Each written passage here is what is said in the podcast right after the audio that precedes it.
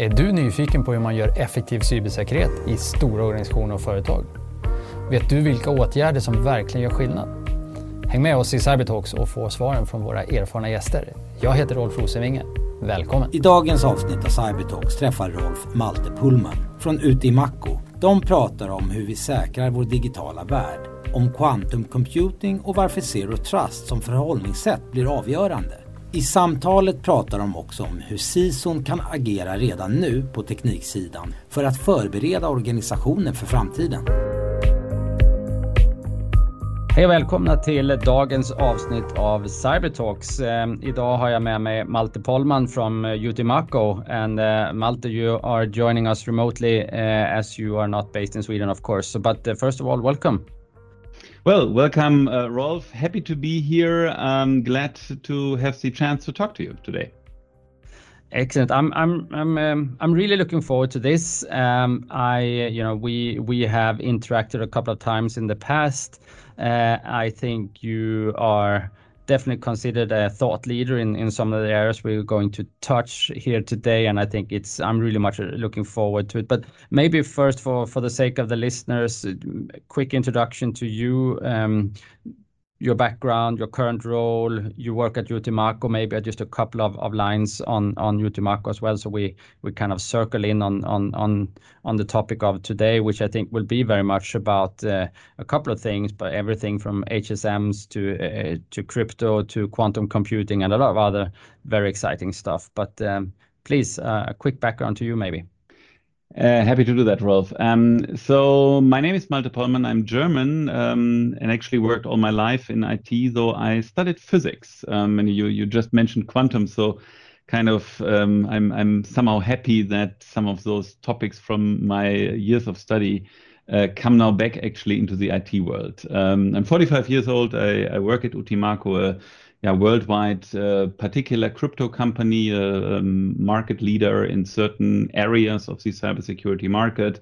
Originally from Germany, um, we have now um, teams all over the globe, very strong in North America, strong growing team in uh, in Asia, and deal with particular topics um, around making really the society a safer place digitally. So trust in the digital society is uh, our major theme and that um, is delivered a lot through uh, making high-end encryption products, uh, high-end key generation and key management. So wherever we need to digitally identify something, protect something, data, ideas, um, important transactions, wherever we have critical networks, which are digital networks and need that protection, there Utimaco products and Utimaco solutions play some role.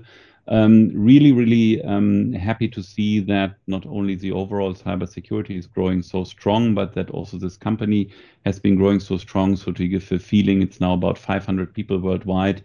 We do a bit more than 100 million euro revenue, and that has been really a constant increase over all the last years. Cool.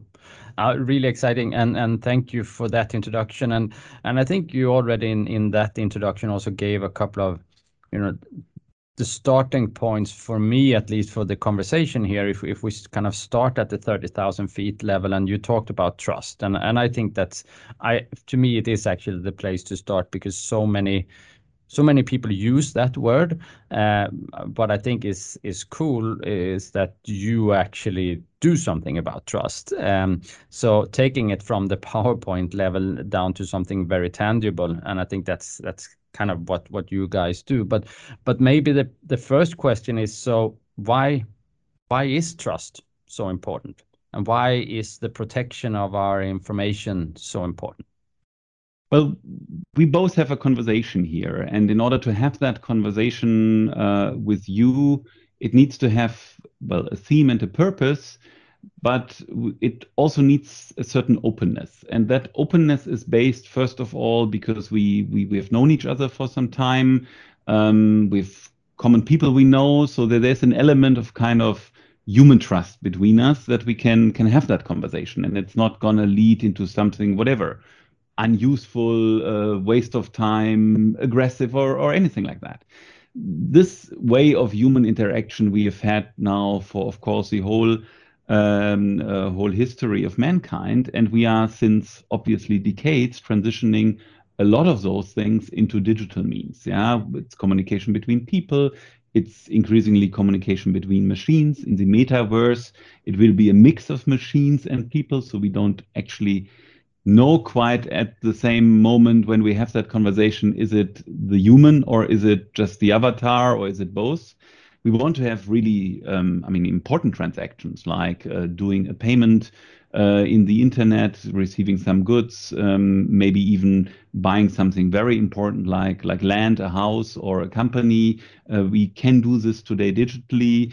Um, we can start our car remotely, get updates to the car, even have yeah the full trust that part of that yeah steering and enabling mobility happens digitally, happens digitally steered by a combination of the the car, the vehicle, and the environment, the guiding uh, environment around. And for that, I mean, just to throw out with these illustrations, trust has to be transitioned from uh, the human interaction we've known for um, obviously centuries and, and many times into something digitally enabled. Um, and this means concretely identification who do I interact with, um, with which person, with which device, authentication, um, making sure that the communication I get is the original communication, so integrity of the communication. And in a lot of cases, not always, but in a lot of cases, also secrecy. Yeah? I want to keep certain data only available to the people who should have the, the right to access uh, that. And those elements we have to enable digitally, and that's where I mean the whole business of cryptography, ciphering, and so on comes to help. Excellent.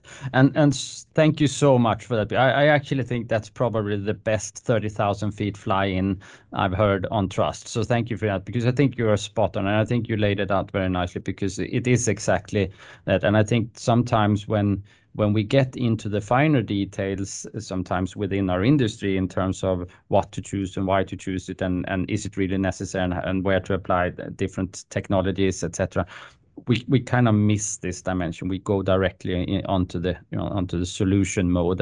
But I think to give that uh, that flying is actually important because I think you are so right, and I think sometimes we are still as a society, not necessarily only as practitioners, but more as a society, actually missing that part that we are we are in the middle of transferring a lot of things that over thousands of thousands of years has happened in the physical world into the digital world, and those two are now kind of converging and and ultimately becoming one. And and we need to manage that transition, and that's why trust, maintaining trust, is so important. So I I really like that, and I also think, of course, one you know, we, we talked just before we started the recording, we talked about the le legislative role and the, the, the role of policy and politicians and uh, etc. also. And I think, you know, I guess one way of of trying to highlight this was, of course, also GDPR in in, in Europe. And um, maybe since you have reflected so much on trust, do, do you think we got it ballpark right? Or have have we addressed the right things about privacy overall? Um, or are there major gaps that you th that you think we we actually missed uh, when we implemented um, and adopted GDPR? Um, so I think there are obvious points. Everybody can read um, uh, where GDPR has created issues, yeah, and, and they're mostly on the on the side of I would say um, bureaucratic issues, um, the way reporting is done, the way um, uh, where the balance is actually struck between um, doing these uh, data transfer contracts between companies, the oversight, and and actually the balance between value and uh, and pain for companies. And of course, those things can be improved. But I mean, let's again step one level back and go on maybe not 30,000 feet, but go back to, to 10 or 20,000 feet um, on that. Privacy is something which relates deeply to our Western values. It, it relates deeply to the to the values of individual, yeah, individual geniality or individual genius, um, uh, the individual values of, of ideas, um, the freedom uh, of speech, therefore, also, which is closely linked to that. Those are typically very, very Western values, and they are very strongly, certainly, uh, outlined here in Europe, um, maybe to a bit a lesser extent in, in North America, but still I mean, very close to, to our model. That's why, for instance, the California and the Florida privacy bills actually copied GDPR and, and, and saw that GDPR is a good framework for that.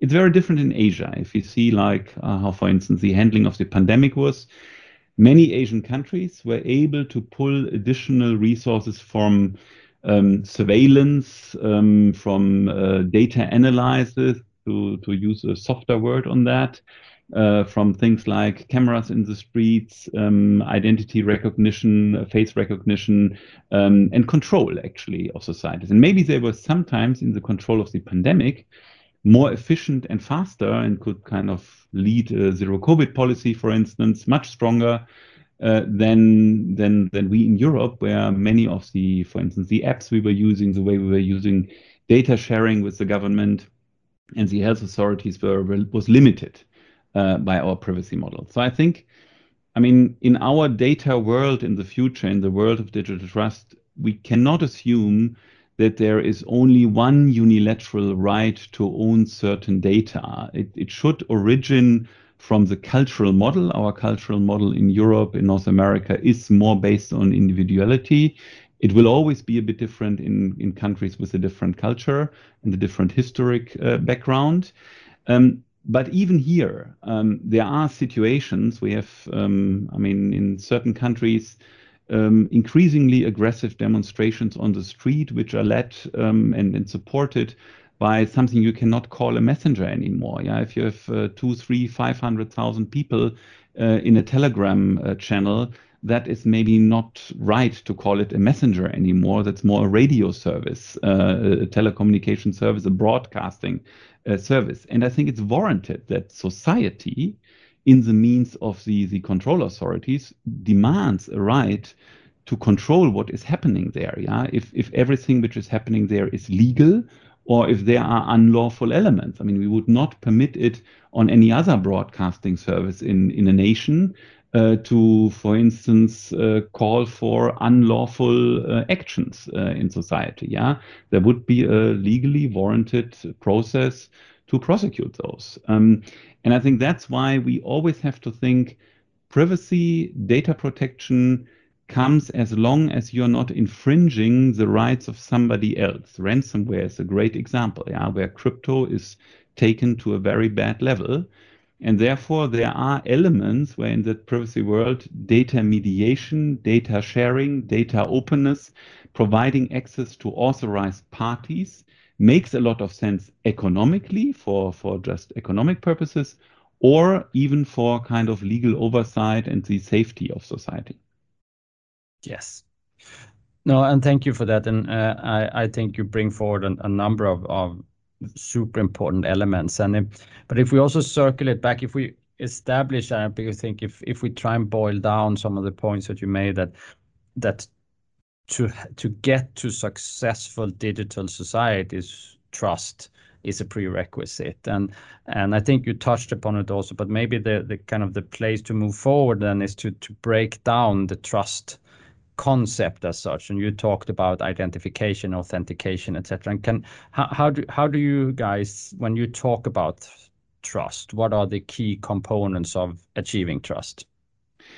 I would split it into two two elements. One is the one is the like logical level, yeah, um, identification, authentication, integrity so that a certain element has not been tampered with. For instance, a digital proof, a digital signature has not been tampered with. Encryption, like like protecting the secrecy um, uh, of a piece. Um, those are the kind of the elements in the logical life cycle, in the in the flow of uh, what we do in our digital interactions. Underneath are very common grounds, and those common grounds uh, need to be trusted um, uh, as well. And it's very important that they are well implemented. Uh, it's very important that they are also tested. That's, for instance, why in the crypto world, since ages, algorithms are open. They are open by definition. Uh, most algorithms which are used worldwide have been tested by hundreds of universities, hundreds of researchers. Everybody can can can try to hack them, and the secrecy is not in the algorithm, but it's in the way it provides, it, it, generates a mathematical secret and then it provides security for the for the data element. So trusting in the, I would say, technical underlying uh, elements is is very relevant. Yeah, that's why we have discussions in which use cases um, you need to base, for instance, your identity system, your passport, your uh, identity card, your maybe driver's license, where you need to base it on a central issuing a- agency, a central issuing part. And if things like federated identity, self sovereign identity, multi party computing, blockchain can make sense in other use cases, yeah, where, where the central point may not be necessary or may actually be also less trusted. Um, so, I mean, for me, it's always those two levels. It's the level of the life cycle of what we want to do, identify somebody, authenticate, um, be sure that what I receive from that person is integer, it has not been tampered with, and is also confidential, um, uh, that nobody else can can read it if necessary. Not everything has to be confidential. And then, secondly, really the layer, the technical layer underneath, which needs to be trusted uh, because otherwise everything falls apart. Yes. Excellent. And I think um, one of the things I would also like to to ask you about on this is, of course, and, and you mentioned that that typically the know, algorithms are open, uh, uh, which is okay, and they are being tested and they are being researched and, and all those things because the key uh, the key is the key, uh, which is the confidential part, which of course also implies that keeping the key secret is fundamental in uh, in in achieving this trust. And can you talk a little bit about how that is achieved? And and why you know first of all I guess you agree it it is a vital component but also how that is achieved and how you guys for example work with that and and what you see where are we moving in in in that area? Yeah um, so let's use an, an, example which more and more of us uh, very regularly um, do. Um, we may have a modern car, and that modern car um, is not only steered by uh, the physical elements, uh, the engine and the wheels, but increasingly by software. Uh, and that software helps us to do the important things like steer the car where where we want to go, uh, but as well do all the communication things around entertainment, uh, maybe telephony, maybe um, uh, really uh, other functions uh, we have for convenience. Um, that is all steered by software, and we very regularly um, use that software. We also update that software. We have to trust. Um, uh, that the packet we receive is actually original. And there were very nice examples um, where that um, technical implementation was was was faulty and bad things happen. I mean, the car could be steered uh, into the wrong traffic. Um, uh, somebody could remotely totally take over function. Um, there, really, IT security uh, has a very close relationship to personal to personal safety. So, how is that done? If it's done, if it's done properly and well, um, you receive a software package which is is encrypted certainly and gets decrypted in your car. This is digitally signed. It has a digital certificate. That certificate is validated, and the whole generation of those key pairs of the digital signature comes from a trusted source. That trusted source um, can be, for instance, a, a certificate authority. We, in a lot of cases, provide customers like the automotive uh, companies, which give you the, the car and the software update, uh, we give them um, the elements to generate um, that key pair. So to, to generate um, those necessary secrets and uh, signatures uh, and to really generate them out of a trusted, certified, yeah, unbreakable root of trust. This is a so-called hardware security element. It's not only software, like the name says, it has a tamper protection built in hardware. And within that sits um, a secret um, and true random number generator. Um, so randomness, true randomness is very important for generating um, uh, cryptographic materials, whether it's signatures or whether it's key pairs.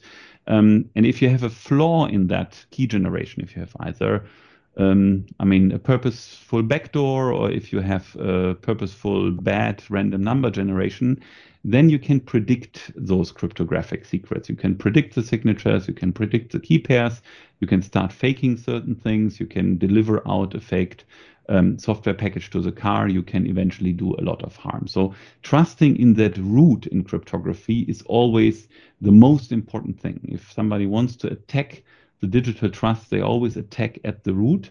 That's why we and the whole industry um, focus a lot on making that root secure to really generate random numbers, to make sure that it's certified, labs can test it, customers can test it, there, there's oversight on that. So this is really the element uh, of trust. There's a nice historic example for, for some of the listeners maybe to look into.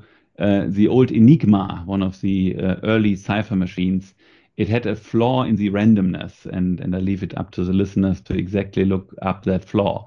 And that little flaw um, where it could not encrypt every um, element of the alphabet, every letter of the alphabet to a random other letter. That little flaw led actually at the end to the decryption of all that traffic. So that's a nice historic example where people can see um, how important true randomness is, and that really there the whole trust chain in cryptography uh, starts. Exactly, and I actually think you're right. It's it's uh, that that whole uh, Enigma story is, is actually a, a very fascinating one, uh, and but and I think also a good example of, of what you are what you are describing. So um, so in terms of now that we've kind of established why that root is so important to to actually achieving you know all the way up to the thirty thousand feet level trust that we where we started off. Um, can you talk a little bit about what type of development that happens in that area right now? Where are you guys focusing, for example? Where are we seeing development? How are we how are we going to achieve even greater trust? Because I guess the other side uh, is also developing, and and we will get to that later, I guess. But what are the key research areas to to really to really secure that root trust for for the foreseeable future? So one big area is implementing this root of trust in as many places as possible. Yeah, um, a, a, lot of um, digitalization which we see happening right now is not in the classical IT world. It's more in the world of IoT, of connected production, of connected energy grids. So those are parts of our everyday's life infrastructure which have not been thought with digital uh, security in mind from the beginning. Yeah, they have not been connected. They have not been internet connected, um, and there was no way of digitally steering them many years ago. So, so, so one big part of that um, development is enabling this root of trust in many, many more places therefore making it faster, more performant, uh, putting it into the cloud, uh, enabling many new protocols on that, enabling partly also, uh, and that's uh, always a game and always an important development in um, the encryption world, new efficient algorithms also to, to steer small IoT devices, IoT devices which have much less computing power than our PCs and, and mobile phones, uh, because they need maybe to be very energy efficient, yeah, little sensors, or they need to last very long. Um, devices in a car, devices in in satellites, for instance, need to last very long. So they um, you need to be able upgrade them also in 10 or 20 years uh, and need to predict this. Um, this is maybe the, the, the second um, important development angle um, currently, right now, um, hyped under the name of post-quantum crypto, but it's if you look back, it's been a constant theme of crypto agility. So being able to adapt cryptography, adapt algorithms, adapt key lengths, adapt mechanisms um, along that trust chain, yeah, from the root of trust over the distribution infrastructure, so maybe the cloud infrastructure, uh, to the software which receives it in your phone, in your car, in your smart meter device in the home. That whole chain needs to be crypto agile, and it always had to be crypto agile. And there's been a lot of oversight. Uh, many, many successful attacks are uh, to old infrastructures, to infrastructures which were impossible to really upgrade them uh, to new mechanisms. The whole world will go in the next uh, couple of years through a major upgrading cycle as the quantum computer brings us fantastic computing power, particular for um, AI purposes, for data optimization, data analytics purposes. So it has a lot of benefit. We just um, saw uh, the big investment into a D-Wave 5000 qubit um, quantum computer here at our doorsteps in the German Research Center uh, Jülich. It's fantastic to see what they want to do in terms of health research, Alzheimer's research. It has one unfortunate drawback. It's a mathematical drawback. These quantum computers can bring all our asymmetric cryptography, so everything which we use every day, uh, to zero um, because they are uh, very efficient in uh, prime factor numbering. Um, and that's something we have to counter. And the industry is prepared for that with the so called post quantum crypto algorithms. They have been mathematically developed, but it will take years to implement them. And uh, thus, the I would say the big development effort in the industry currently goes into making all these infrastructures ready, crypto agile for this future upgrading wave.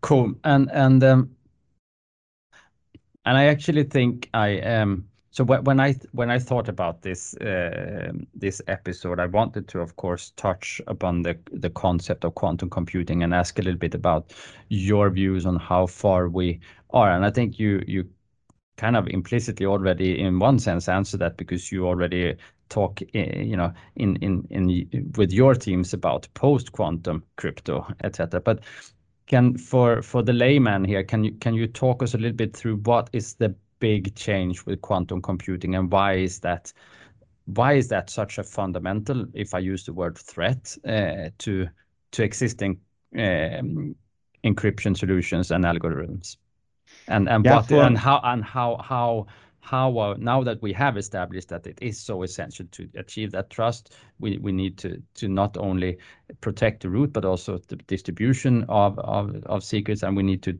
deploy. Um, as you talked about, and you know, IoT, I think was a great example to all the the now connected devices. But if if we now kind of realize that the root of everything is actually under threat, so how how how how big of a threat is it, and and and what are we doing uh, to mitigate that? Yeah, for decades, our computing systems were based on binary statuses, yeah, on a very fast and efficient gate decision between one and zero. We basically knew it can be in two stages, and with that, we could compute. Um, and by making it smaller and smaller, Moore's law uh, told us um, uh, that we have kind of an exponential increase in the in the power of computing, um, uh, and that that has been kind of a, a, a constant uh, relationship over the last uh, decades. Was very predictable, and cryptography could counter those calculation mechanisms. Basically, the brute force attack, which you can always do. Um, you can always try at least. Cryptography could counter it with making it mathematically so hard that you needed millions of years until you basically uh, yeah were, were, were guessing a certain code, a certain password, a certain uh, code to decipher something.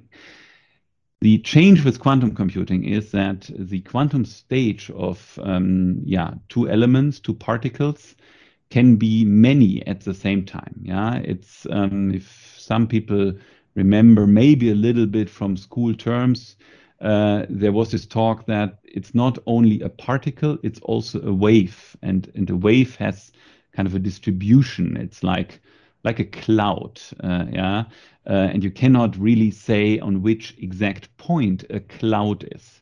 That's the quantum effect, basically. It's um, uh, the model that we are not only thinking in particles, but we're thinking that a particle can at the same point be a, a distribution function, a wave. And we can use that effect now, and it uh, has also been decades of research behind that, um, in the quantum computer to calculate not two stages at the same time, but many stages at the same time. So um, we're, we're stepping massively above Moore's law. We're massively increasing the, the computing power. In particular, that's the word quantum supremacy, where problems problems we are trying to solve are made for that type of calculation. Um, some people may may may remember this um, uh, uh, image of um, or, or, or this, this, this picture of uh, the butterfly on one side of the world uh, does a WIMP, and then on the other side of the world uh, you have a tornado. Yeah, um, this is a, a, weather problem which no supercomputer, no classic supercomputer, can calculate at the moment. It may actually also not be the most relevant problem, but you have, you have similar problems in for instance, drug research, in fertilizer research, in mobility optimization, yeah, delivery route optimization, they, they are mathematically very similar as this weather uh, uh, problem.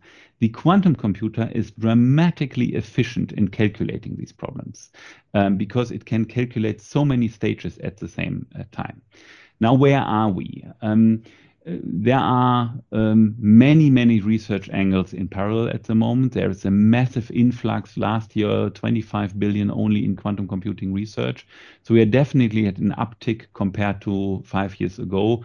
A lot of industry players take it extremely serious and are working on quantum computers from Google to IBM to Honeywell uh, to D-Wave. Um, so we, we are much closer to it uh, than five years ago.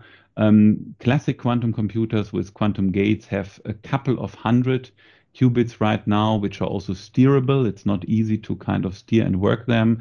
The one I was referring earlier to is the quantum annealer um, setup. That's a bit a different setup. D-Wave, it has 5,000 uh, qubits.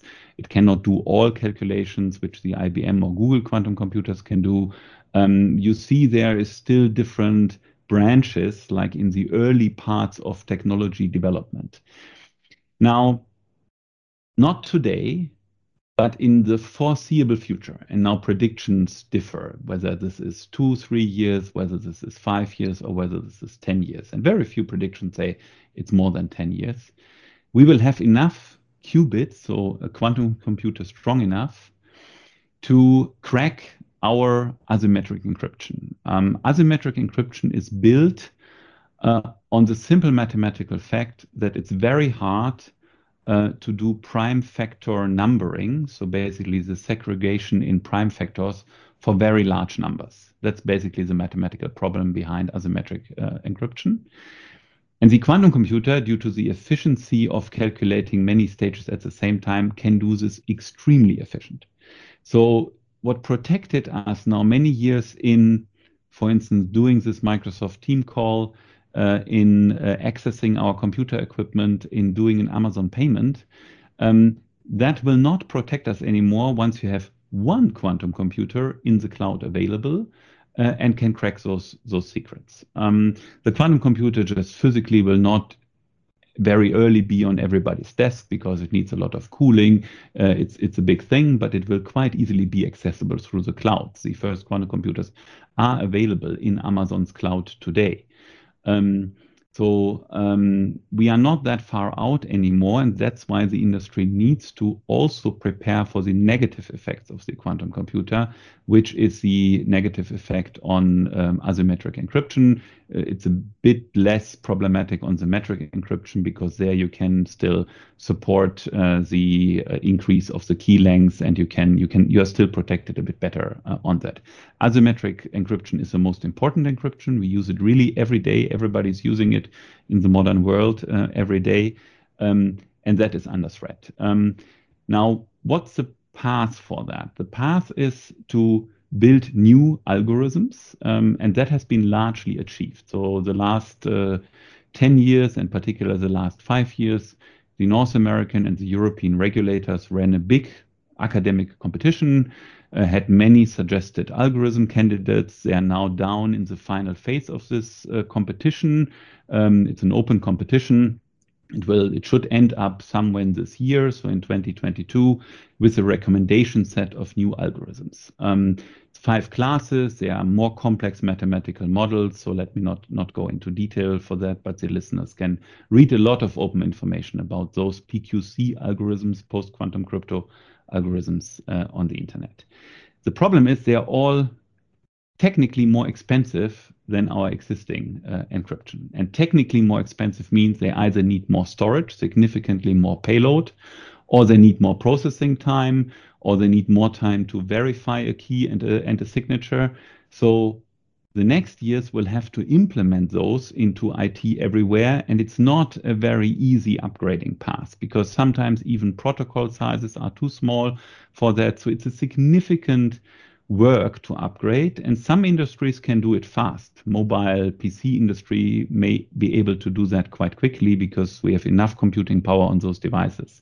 In the iot world which you mentioned rolf very rightfully here you have typically limited computing power. Yeah, it's very price sensitive what you build into a car. It's very hard to upgrade hardware in a satellite which is in the orbit. It just costs a lot of money to get it down, build something else in, and shoot it up again. Um, so you need to predict right now already: Do I have enough computing power? Do I have enough storage? Is my processor fast enough so that I can also run these PQC algorithms? And that's hard work right now. Um, and the attackers are on their toes because the attackers are very often also nation sponsored actors. Um, and they have facilities, there's a well documented NSA facility in uh, Utah, for instance, which has a simple purpose store now, decrypt later. So they are waiting for the quantum computer by storing information they're interested in. It may not be our podcast here, maybe yes, maybe not. Uh, but sure information they're inter- I'm sure it is. and they will decrypt it later once they have the once they have the quantum computer available. And that's where our industries need to prepare for. Yes. Excellent, thank you. Because for me then the next step is to kind of bring that scene that you are that you now painted for us and and bring that to the CISO level. Because I think um, and and what what all of this actually means for a CISO because I think being a CISO today is is actually becoming a more and more complex role for for so many reasons not just for increased regulatory uh, pressure. You have more boards and executive management uh, leaning over your shoulder and, and wanting you to do more and not only protect the enterprise, but also enable, for example, IoT development, digital products, etc. We want to go cloud at the same time. The, the users wants to go passwordless. Uh, and, and how should a, how should a CISO think about this today? And how can a CISO prepare for some of these things? What are the strategic choices or key elements that they need to think about already now? So let me get back to those two levels, the technical level and the lifecycle level. I mean, first of all, on the technical level, definitely think through your whole trust infrastructure, cryptographic infrastructure. Build an inventory very concretely. Um, what do I have? Um, uh, what algorithms do I use uh, for that trust? How do I have to move those cryptographic elements, key lengths, uh, algorithms, maybe key generation in the next couple of years to be prepared for the challenges of the future. That is the whole concept of crypto agility. Doing that inventory for a big bang, for a big IoT company already takes some time. It already gives very often lessons. We have learned from customers that they are since 20 years migrating from single DES to triple DES. Yeah, and they know that that is they're slow on that, but they have so much legacy IT uh, that it just doesn't move faster. So crypto inventory and then migration plan or crypto agility plan for for the future. That's on the technical level. I think flipping up to the life cycle level, um, go through your business processes and think those business processes with uh, the modern world in our industry is zero trust mindset uh, through that. So basically, zero trust means don't trust anything before you have not verified it, yeah, before you have not identified and authenticated uh, the element. And that means everything. So the user, the device the user is using in today's world, the user may use many different mobile devices, partly private devices, partly business devices. Uh, so it, it's, it's a much more uh, fluctuating scene than many years ago where everybody was behind a secure perimeter. Think through the identification of the of the services uh, the user is accessing. So in many cases, it's not only services hosted inside maybe the bank or the company. It's services hosted mm, yeah, remotely in cloud services, in private, in hybrid, in public cloud services. So, so how is that authentication happening? How do you govern that authentication? Um, and last but not least, the authentication to the data element. Which data elements are you creating? Which need to be protected? bringing back the, the privacy point in a business sense, yeah, which data elements do you really need in plain text?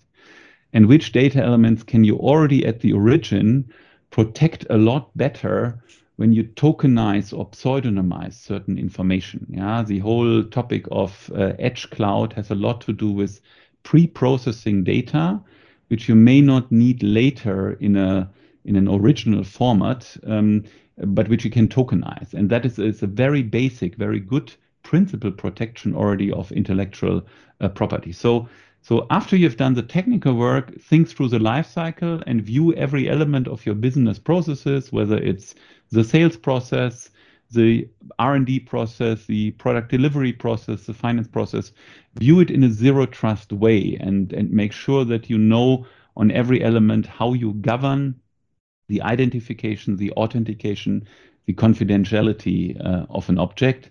A lot of successful attacks currently happen because that governance is um, is not well in place, is not well established, and you have employees leaving, you have um, consultants in and out, you have whatever supervisory board members coming in and out, and a lot of yeah access still remains open which should have been closed already. Yeah. So that life cycle view needs a strong governance, a strong control. It needs at every moment to be up to date in terms of authentication, integrity, identification to really the, the persons, the systems, the data, um, uh, which which at that moment is warranted. Yeah.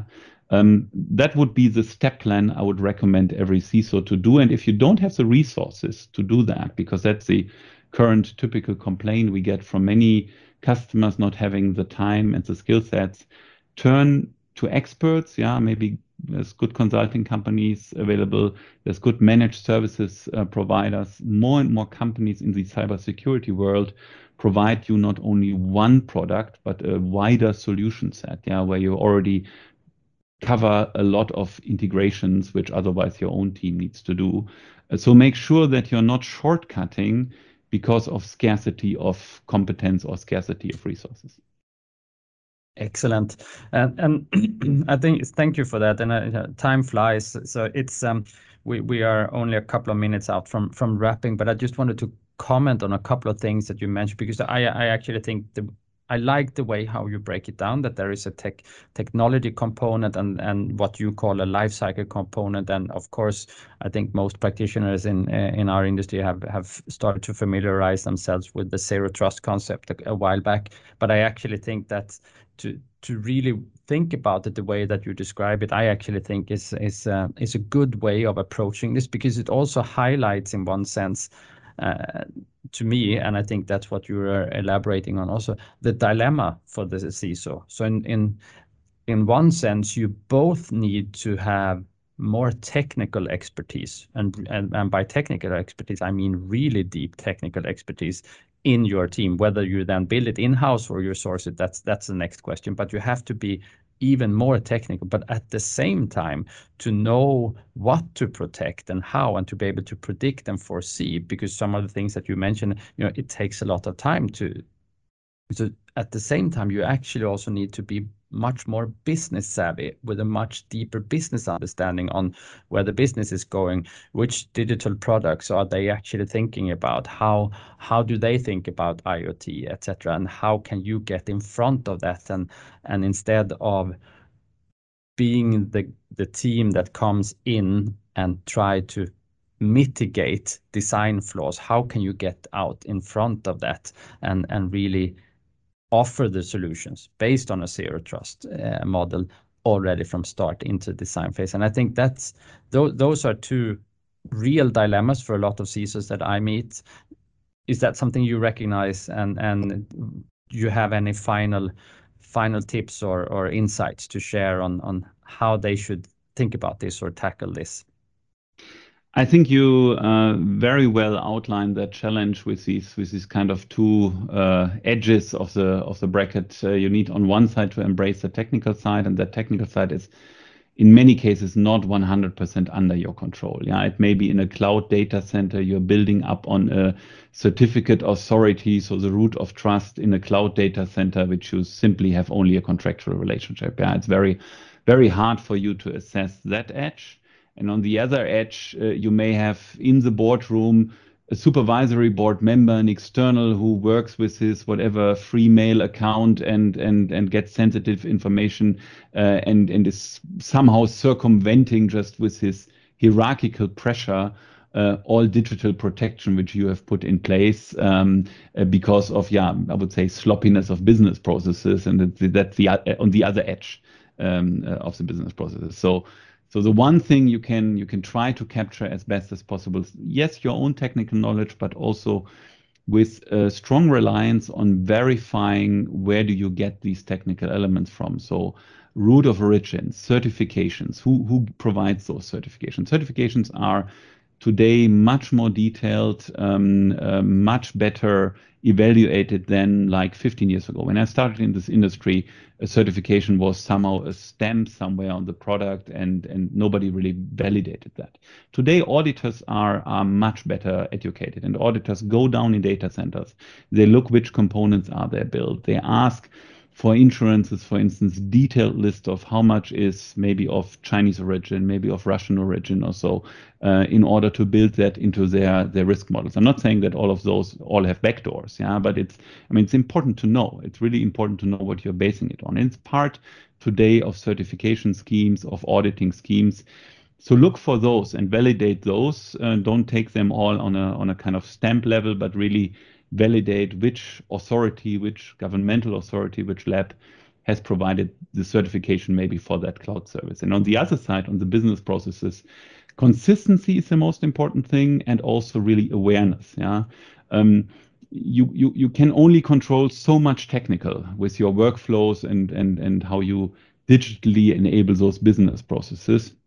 You cannot 100% guarantee that there's not ways around of uh, sales warriors on the road, of consultants in the company, of maybe whatever supervisory board members who only spend partial time uh, with the company. So, to a certain extent, those are then policies and awareness of all these people. Yeah, I mean, let's assume most of these people don't want to do harm to the company or to the business, but it's rather more kind of sloppiness and oversight um, and uh, and that you can to an extent predict with um, making everybody aware, doing these awareness trainings, um, and making sure that people understand why you have put a certain data security policy in place, even if it, for instance, hinders somebody to print a document or copy a document, uh, but why that is necessary uh, for the company. So, but you're very right, Rolf. Um, it's it's a much wider scope right now for the CISO than it was 10 years ago.